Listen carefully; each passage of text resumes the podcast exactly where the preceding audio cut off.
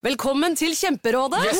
Denne gangen har vi fått inn et kjempedilemma fra en familie. Okay. Jeg leser Hei, vi er litt uenige i familien her. Mm. Hvis du skulle vært et dyr, ville du hatt gjeller eller vinger? Oi, den er tricky. Ja, Hva ville dere hatt, da? Altså, jeg vet ikke, men Med familierabatt får du ubegrenset data fra Telenor fra 399 kroner. Da kan du scrolle seg til svaret, rett og slett. Ja, ok, Men for min del Ja. gjeller. Nei, nei, Gjelder. nei, vinger. Nei, nei, gjeller. Ja, okay, ja, Kjempebra. Men eh, se nye mobilabonnement på telenor.no, da.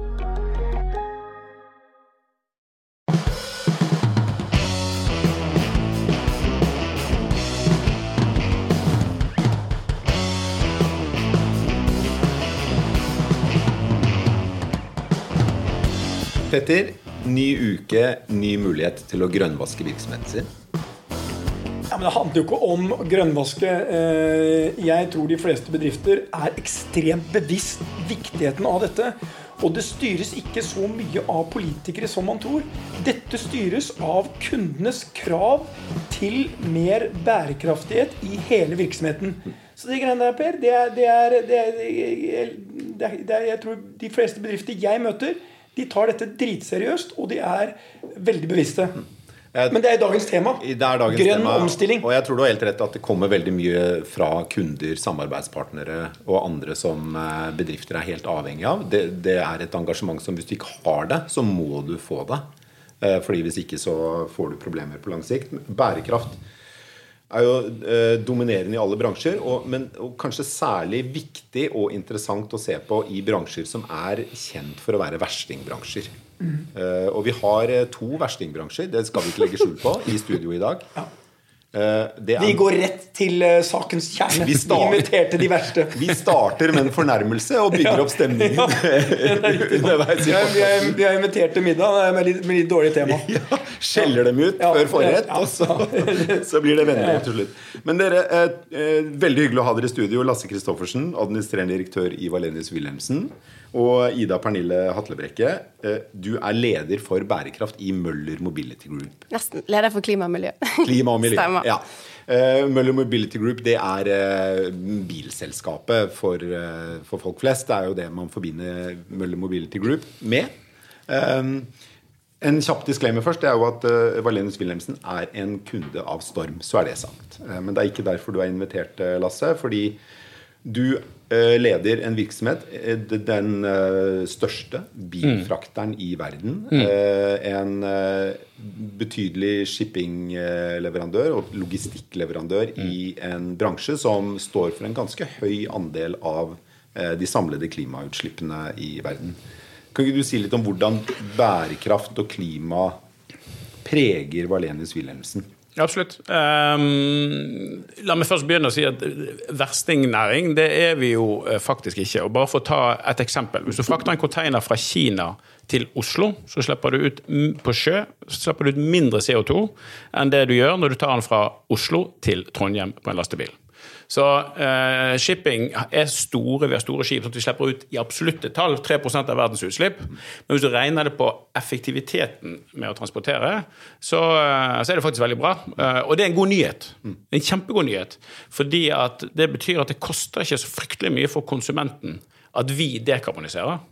Eh, helt marginalt, faktisk. Og, og, og Møller kan øke prisen på sin bil med 500-600 kroner, så skal vi få den til Norge uten utslipp. Det er ikke der slaget Men, står. men, men før vi introduserer neste, Lasse, jeg må bare spørre om en ting. Hvor mange konteinere får du på de største konteinerskipene i dag? 24 122. 24 Altså, bare, bare, bare tenk på dette, Alper. Jeg tror du kunne satt de konteinerne da i en rekke. Begynner her på Sommero, og så stabler du de etter hverandre. Da kommer du omtrent til Lillehammer.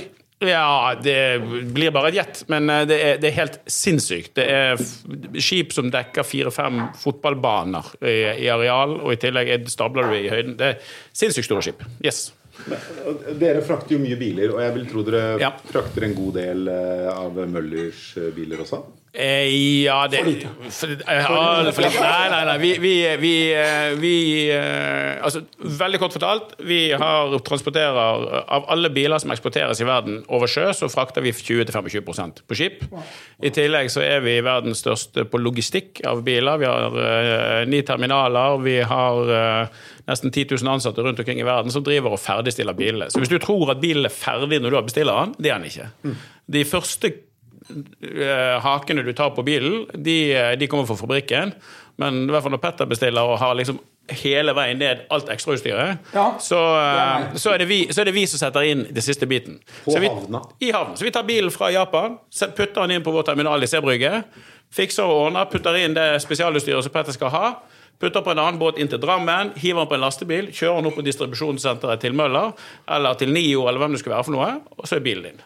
Så vi er i praksis i dag bare ett klikk unna deg som konsument. Du går inn og trykker på Nio, jeg skal ha en sånn bil, resten står vi for. Men jeg, før, jeg har et spørsmål til eh, Ida, men, men før det, du har helt rett. Altså, er du fra Porsgrunn?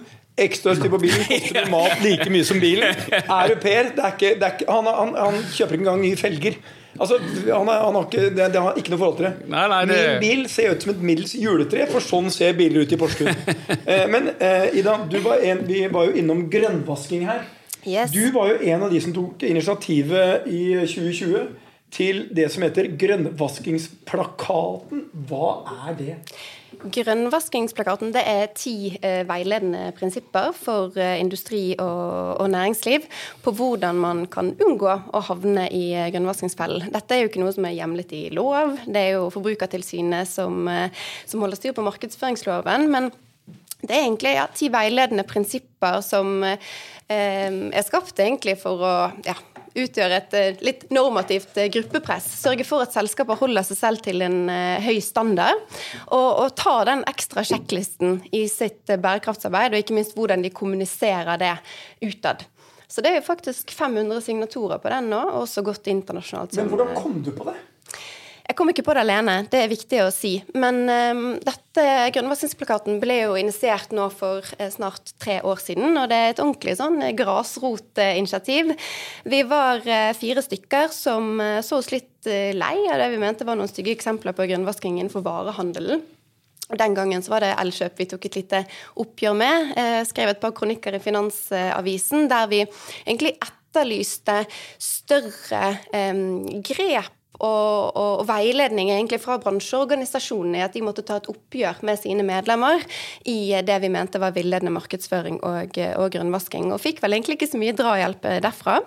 Men fikk med oss da Skift, næringslivets klimaledere, som syntes dette var en eh, strålende idé, og som er på mange måter administrator av plakaten, og som var med da sammen med WWF, eh, sammen med Fremtiden i våre hender, Zero på utformingen av disse prinsippene. Så vi fikk liksom en god faglig forankring for, for de prinsippene. Så vi skrev ikke plakaten sånn sett helt alene. Det var viktig at det også var i god dialog med Forbrukertilsynet, da. Du, du, du, du behøver ikke nevne enkeltselskaper nå, men uh, er det en, en bransje eller bransjer som særlig utpreges av grønnvasking, vil du si? Det er Jeg føler at grønnvasking er, ganske, det er jo ganske tilstedeværende innenfor mange bransjer og industrier, sånn sett, in- inkludert bilbransjen. Vi kan jo nevne Dieselgate, som, som var jo et absolutt et eh, stygt tilfelle av, eh, av grønnvasking, men som var en omstillingsdriver for eh, for, for Volkswagen-gruppen selvfølgelig særlig, men, eh, men kanskje også virkelig en vekker for hele den europeiske bilindustrien. Da. Um, men, Ja, de eh, juksa på utslippsdelen. ja, det gjorde de. Og, eh, og det har jo skjedd en enorm endring i etterkant eh, av, av det, og det fikk jo selvfølgelig veldig alvorlige konsekvenser for, for de som var involvert. Eh, men man ser jo en del tilfeller av grunnvasking på eh, bransjer som er tett på forbruker. Det kom jo nemlig ut en eh, undersøkelse senest i dag som viser at tre av fire forbrukere de, de stoler ikke på eh, produkters bærekraftspåstander. Eh, så jeg tenker det er jo litt urovekkende. da. Det har jo vært, eh, vært en del klesprodusenter osv. Som, som har markedsført eh, conscious og miljøvennlige klær osv. Som man kanskje har hørt mest om. Men jeg vil si at altså, det er tilstedeværende i, i veldig mange eh, bransjer og industrier. Altså. Lasse, du har, eh, du har flere sentrale roller, men nå som CEO i et eh, stort konsern som er børsnotert. Og dette er spørsmålet.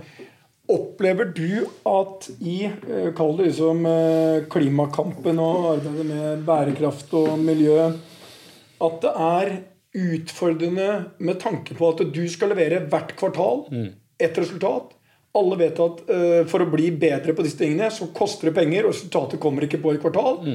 Er kvartalskapitalismen eh, den største utfordringen som eh, vi ser i dag i forhold til klimakampen? Jeg tror, eh, jeg tror det har et betydelig element. eh, Og, derfor, og jeg tror, Hvis du liksom tar et litt større perspektiv, da, hvem er det som klarer å komme med eh, Vinne i, i endringer som er eksponentielle. Det er veldig sjelden børsnoterte selskaper. Det er private aktører som har risikoviljen til å satse, som har langsiktigheten til å tro på liksom, ideen. Eh, Du vil sikkert kjenne deg sjøl igjen i, i noe av det. Eh, Elon Musk det, altså det var ikke, Vi snakket om det utenfor i sted. Det var, det var ikke Toyota som endret bilbransjen. De eide bilbransjen. Det var Elon Musk som gjorde det. Så absolutt kvartalskapitalismen er supervanskelig når du skal drive fundamental, langsiktig omstilling. For det er ikke lønnsomt innenfor kvartalet. Det er kanskje lønnsomt innenfor generasjonen. Ja. Derfor er jo eh, vårt selskap litt heldig, fordi vi har to store langsiktig industrielle eiere bak, som ser litt igjennom den kvartalskapitalismen. Samtidig som vi er investorer, så forventer jeg selvfølgelig at vi skal levere hvert kvartal.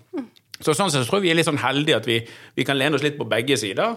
Men, eh, men det er ingen tvil om at, at investeringene vi gjør i dag, de begynner å betale seg om fem og ti år. Men vi vil ta dem. Vi Men jeg har et oppfølgingsspørsmål. Du var leder for noen år siden av Norges Rederiforbund.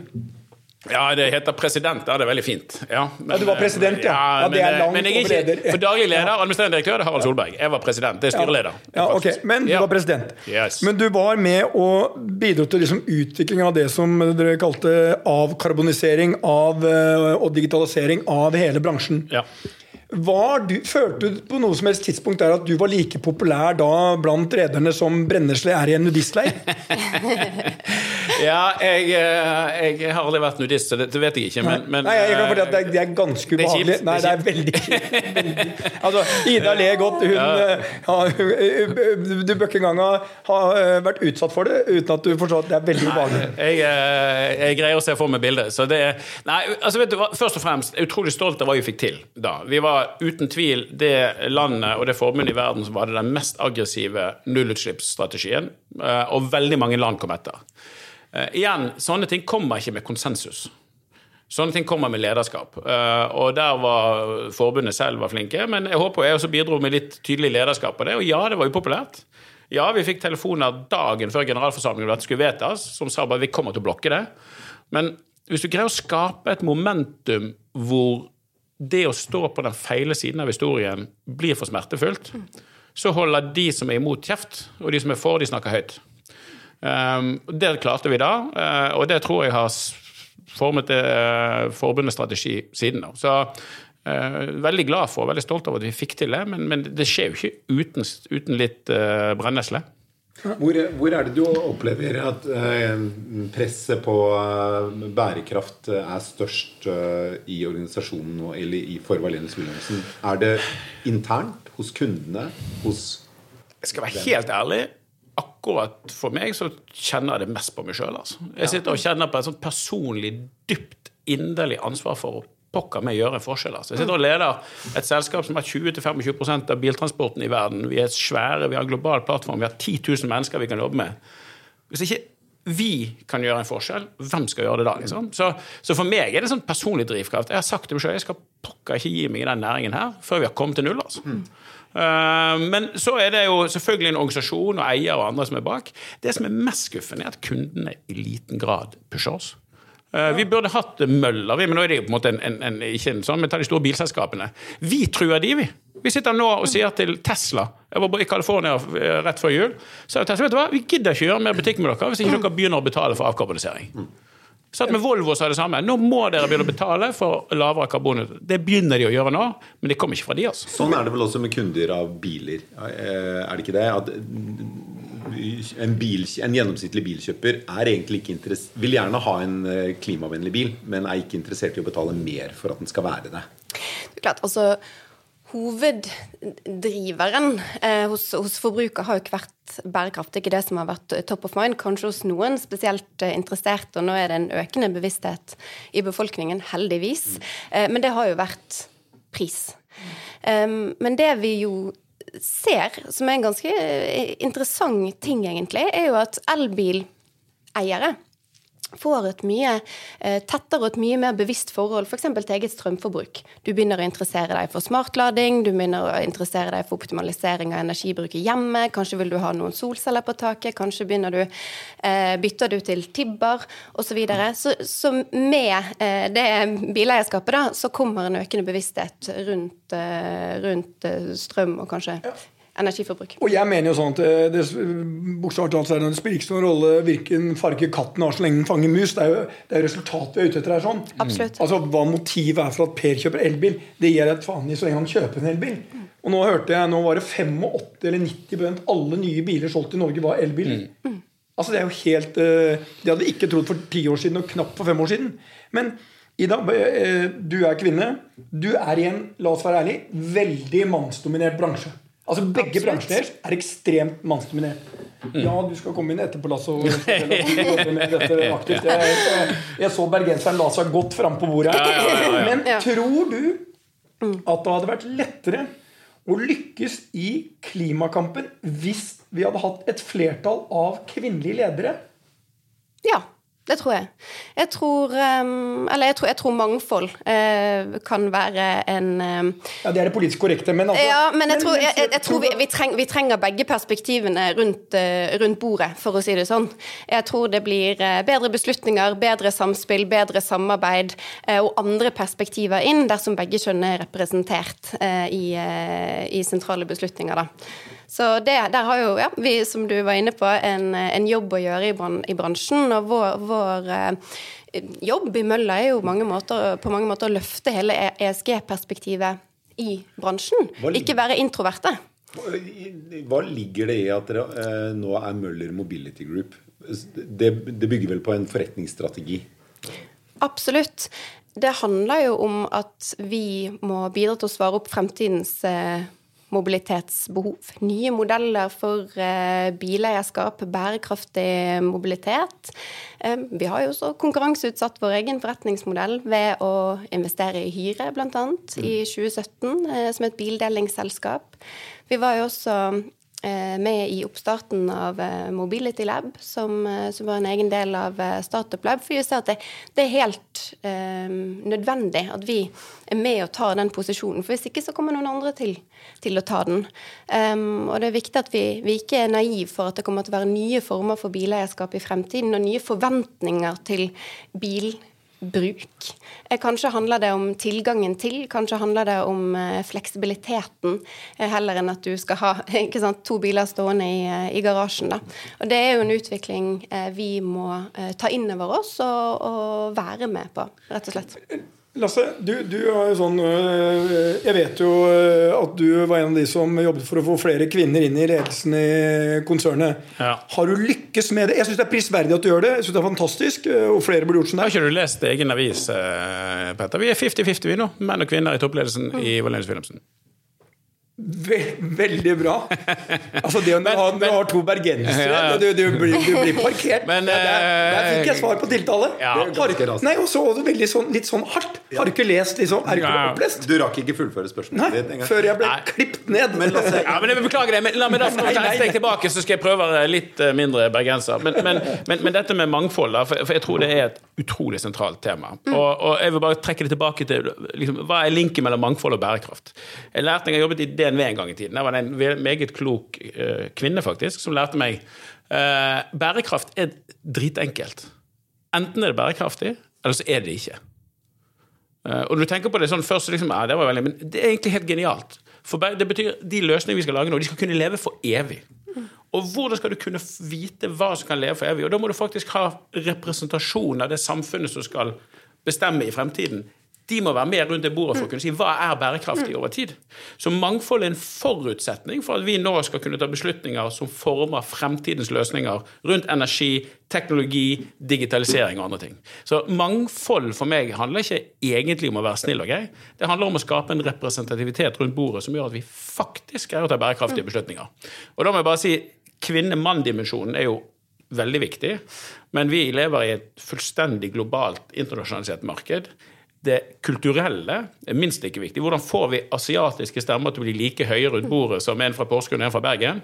Eh, og ikke minst alder. Vi må ha unge og vi må ha gamle. Det er ikke sånn at det bare de unge skal definere det. ikke sant? Sånn at, så vi må ha mangfold i alle dimensjoner. Men det er ingen tvil om at den, eh, den største utfordringen eh, har vært å få kvinner inn i vår næring. eh, Og vi gjør alt vi kan for å få det til, fordi at det er faktisk god business. Ja, eh, Ida, det er, det er sånn, vi var innom det helt i begynnelsen av podkasten. Sånn, jeg har en genuin tro på at det er forbrukerne som er den viktigste kraften i å få til endringer. Hvilken rolle tror du forbrukerne spiller i fremtiden for å løse de tingene du jobber med i eh, Møller Mobility Group? Altså, forbrukerne spiller en helt sentral rolle. Altså 60-80% av den miljøpåvirkningen vi har på kloden, stammer fra husholdningers eh, forbruk. Så det er klart at de er jo en del av nøkkelen. Samtidig så mener jeg at det å plassere altfor mye ansvar over på forbrukerne når det er snakk om en eh, systemisk utfordring, heller ikke er riktig. At her mener jeg også at eh, myndigheter har en viktig rolle i å gjøre det tilgjengelig, eh, lønnsomt og attraktivt for forbruker å velge grønt. Altså Det må være en god balanse mellom, mellom gulrot og, og pisk. Og det er jo sånn at altså Vi står jo i fare for å havne i litt sånn tragedy of the, the commons her. ikke sant? Hvorfor skal jeg gjøre en stor opp oppofrelse om det ikke gagner, eh, gagner meg? Så ja. Og jeg, jeg, mener jo at eh, måten eh, elbilen ble eh, tidlig en ganske stor del av norsk bilpark, viser at det er ikke først og fremst forbrukerne som kan eh, bestemme utviklingen i dette. Det, er, det begynner å slutte med politiske beslutninger. Enten det er økonomiske insentiver eller det er forbud mot fossilbiler. Ja, men det, enda før det er det det private initiativ. Ikke sant? Mm. Uh, og det er utrolig viktig. Vi hadde ikke hatt noen elbiler å sponse i Norge hvis ikke Elon Musk hadde sagt vet du hva? Elbil skal ikke være noe kompromiss. Det skal være det feteste og det beste. Jeg skal lage en bedre bil enn det som finnes i dag. hva- Stemmer det at du var den første Tesla-eieren i Norge, Lasse? I Europa, faktisk. I Europa den aller første Tesla-eieren? Hadde du en av de bitte små to- Nei da, det var ikke en ordentlig Tesla-bil. Det var en Lotus som de satte batterier inn i. Den første ordentlige Teslaen var Model S. Den kom i august 2013. Um, og da var vi seks stykker som fikk utlevert bil. De første kom til Europa. Ehm, jeg hadde fortjent den, mener jeg sjøl, for jeg hadde stått i kø siden den ble introdusert som et konsept, og, og meldte meg på med en gang. Og så var det selvfølgelig noen sånne Fredrik Hauger og sånn som fikk det for å skape litt blest. da. Har du den ennå? Eh, jeg solgte den rett før korona, eh, for jeg trengte bare én bil. Eh, men eh, jeg hadde den eh, i syv år. Sånn. Den gikk som en kule. Funket som bare juling. Eh, og det utrolige var at eh, da, vi, da den ble testet, så hadde batteriet bare altså Jeg kjøpte den bilen, så hadde du helt gæren ny batteriteknologi. og liksom, det der kom til å gå til helsike. Syv år senere, batteriet var mindre enn 10% dårligere enn det var da jeg fikk bilen. Er det et samlerobjekt, den bilen? Jeg prøvde jo å selge den som det, da. Ja. Så hvis du går- inn inn på YouTube, eh, så, blir han, eh, så ligger det en video der av en som heter Tesla-Bjørn, som er sånn stor test-dude-greie, som kjører Europas første Så jeg prøvde jo å markedsføre den, så det jeg fikk ikke så mye penger igjen for det. altså. Ok. Men jeg syns, jeg syns Lasse er inne på et viktig poeng. For eh, vi kan jo selvfølgelig ikke bare sitte på sidelinjen og vente på at myndighetene skal komme med rammebetingelser. Næringslivet har jo på mange måter privilegiet i å være utålmodig. Å være de pådriverne som eh, identifiserer eh, si, barrierene og eh, kommuniserer mot forbruker. Um, og vår viktigste jobb, altså vår bærekraftstrategi, heter 'ta bærekraftige valg'. og det har jo like mye et internt fokus i at vi må gjøre det i alle delene av vår virksomhet og verdikjede. Men vi må jo også trygge kundene våre på at velger de en bil fra oss, så, så, så tar de også et godt miljøvalg. Og bidrar til å fremsnakke de mange fordelene eh, det, kan, eh, det kan ha. Og nå åpner det seg opp en, eh, mange muligheter i at en bil er ikke bare en bil. Det er også en avansert datamaskin. Det er også et stort eh, batteri som kan drive med effektbalansering på, på strømnettet. Det kan drive vaskemaskinen din. Eh, det kan fungere som et nødaggregat ved, ved strømbrudd med vehicle to home-teknologi som, som kommer nå. Så kan spille en egentlig en, en nøkkelrolle når man snakker om energieffektivisering i stort da, på, på samfunnsnivå. Per, vi må begynne å oppsummere. Jeg har én ting, eh, og nå kan eh, Lasse velge om han vil si noe om det eller ikke. For jeg tenkte at jeg følte at det skulle bli et ganske spennende møte etter vi er ferdig med podkasten. Men så falt det liksom helt på stengrunn. Når selvfølgelig bergenseren smalt det hva hans neste møte skulle være. Ja, for vi er veldig fornøyd med vårt møte. Ja, Vi er veldig fornøyd. Og vi, vi, vi, vi syns det var et jævlig stas-møte. Helt til han kommer liksom Nei, jeg skal møte liksom En admiral. Eh, en admiral som styrer eh, Panamakanalen. Ja. Eh, men hva, Ja, ja. kan du si, hva er det du skal etter dette møtet som var viktigere enn oss? Nei, nå, eh, vi får besøk av han da som er De kaller administrator og admiral for Panamakanalen. Det er jo på en måte Panama sin oljeindustri. Det er det de lever av, det er det de lever for. Den har de utvidet, eh, og de vil gjerne ha enda mer trafikk for oss. Og så vil de også at vi skal se på om vi kan putte mer virksomhet i Panama. Eh, Så han kommer nå og sitter og venter på en lunsj ute på vårt kontor eh, om eh, bare noen Hva cirka koster det å kjøre gjennom der med en av disse svære maskinene deres? da? Båten deres? Skipene? Du, skal være helt ærlig, det tar ikke jeg på stående fot. Husker ikke. Men det er ganske dyrt. Det er ganske dyrt, eh, og det er jo de er jo veldig flinke til å balansere både der og i Suezkanalen. Så er det faktisk eh, priser som varierer. For det, det du hele tiden regner på, er hva tjener du på å gå gjennom der, kontra å gå rundt. Så det er dynamisk Eh, prising? Dynamisk prising. Så f.eks. Suezkanalen så er det hele tiden dynamisk prising. Hva, hva er billigst å gå gjennom der eller gå rundt? Og de varierer den med oljeprisen, faktisk. Så det er litt tidlig. Gøy. Eh, Da lærte vi noe nytt om eh, noe vi virkelig ikke ventet at vi skulle gjøre. Det er gøy. Eh, En god fun fact der på slutten. Men dere, kjapt spørsmål før du må løpe, Lasse. Kommer alle biler i fremtiden til å være elbiler? Eh, ja, sier, jeg. For det er der vi det, Skal verden til netto null, så, så, så må vi det. Altså, Ikke hydrogen? Nei, det er strøm. jeg har ikke tro på det. Vi Nei, hydrogen er altfor lav virkningsgrad. Altså, alt som kan elektrifiseres, blir direkte elektrifisert. Ja. Fordi at det er faktisk billigere. Så elbilrevolusjonen begynte på en måte som et med insentivert. Nå er den der fordi at det er mer energieffektivt og billigere både å lage og drive. Så elbilen kommer til å eksplodere i det markedet. Spørsmålet er bare når du kommer opp i et større og tyngre kjøretøy, er det da nok energiintensitet i batteriet. Der kan du kanskje Ja, over er på hydrogen og sånn i lastebil og den type ting. da. Og nå falt, nå falt vi lett av Per Barlas. Vi skjønte det var Thailand snakka Ja, vi sa. Ja, men det var veldig mye her som var ganske komplisert. Ja, men uh, Bra. Kan ikke du runde av, Petter? Ehm, jeg tror ESG er eh, noe av det aller mest sentrale på styrebordene i fremtiden. Men det er én ting der. Det er et stort fokus på E-en og G-en. Og så er det kanskje litt for lite fokus på S-en. Men der syns jeg eh, dagens eh, to deltakere, spesielt Lasse, eh, smalt til og fortalte oss eh, litt av hva S-en også står for. Eh, overraskende nok i en mannsdominert eh, bransje som, som han representerer. Så um, veldig spennende, mye informasjon. Jeg tror mange eh, også eh, som er investert på børsen, fikk seg en liten rundreise i at de som er nå i hydrogen og andre alternativer, de bør tenke seg om en gang til. Her er det bare å gå short, de. Litt eh, kort pod denne gang, men det er en admiral som venter. Tusen takk skal dere ha for at dere kom i studio, Lasse Kristoffersen, Ivar Lennes Wilhelmsen og Ida Pernille Hatlebrekke i Møller Mobility Group. Tusen takk. Takk. Og vi ses igjen neste uke, Per. Det gjør vi.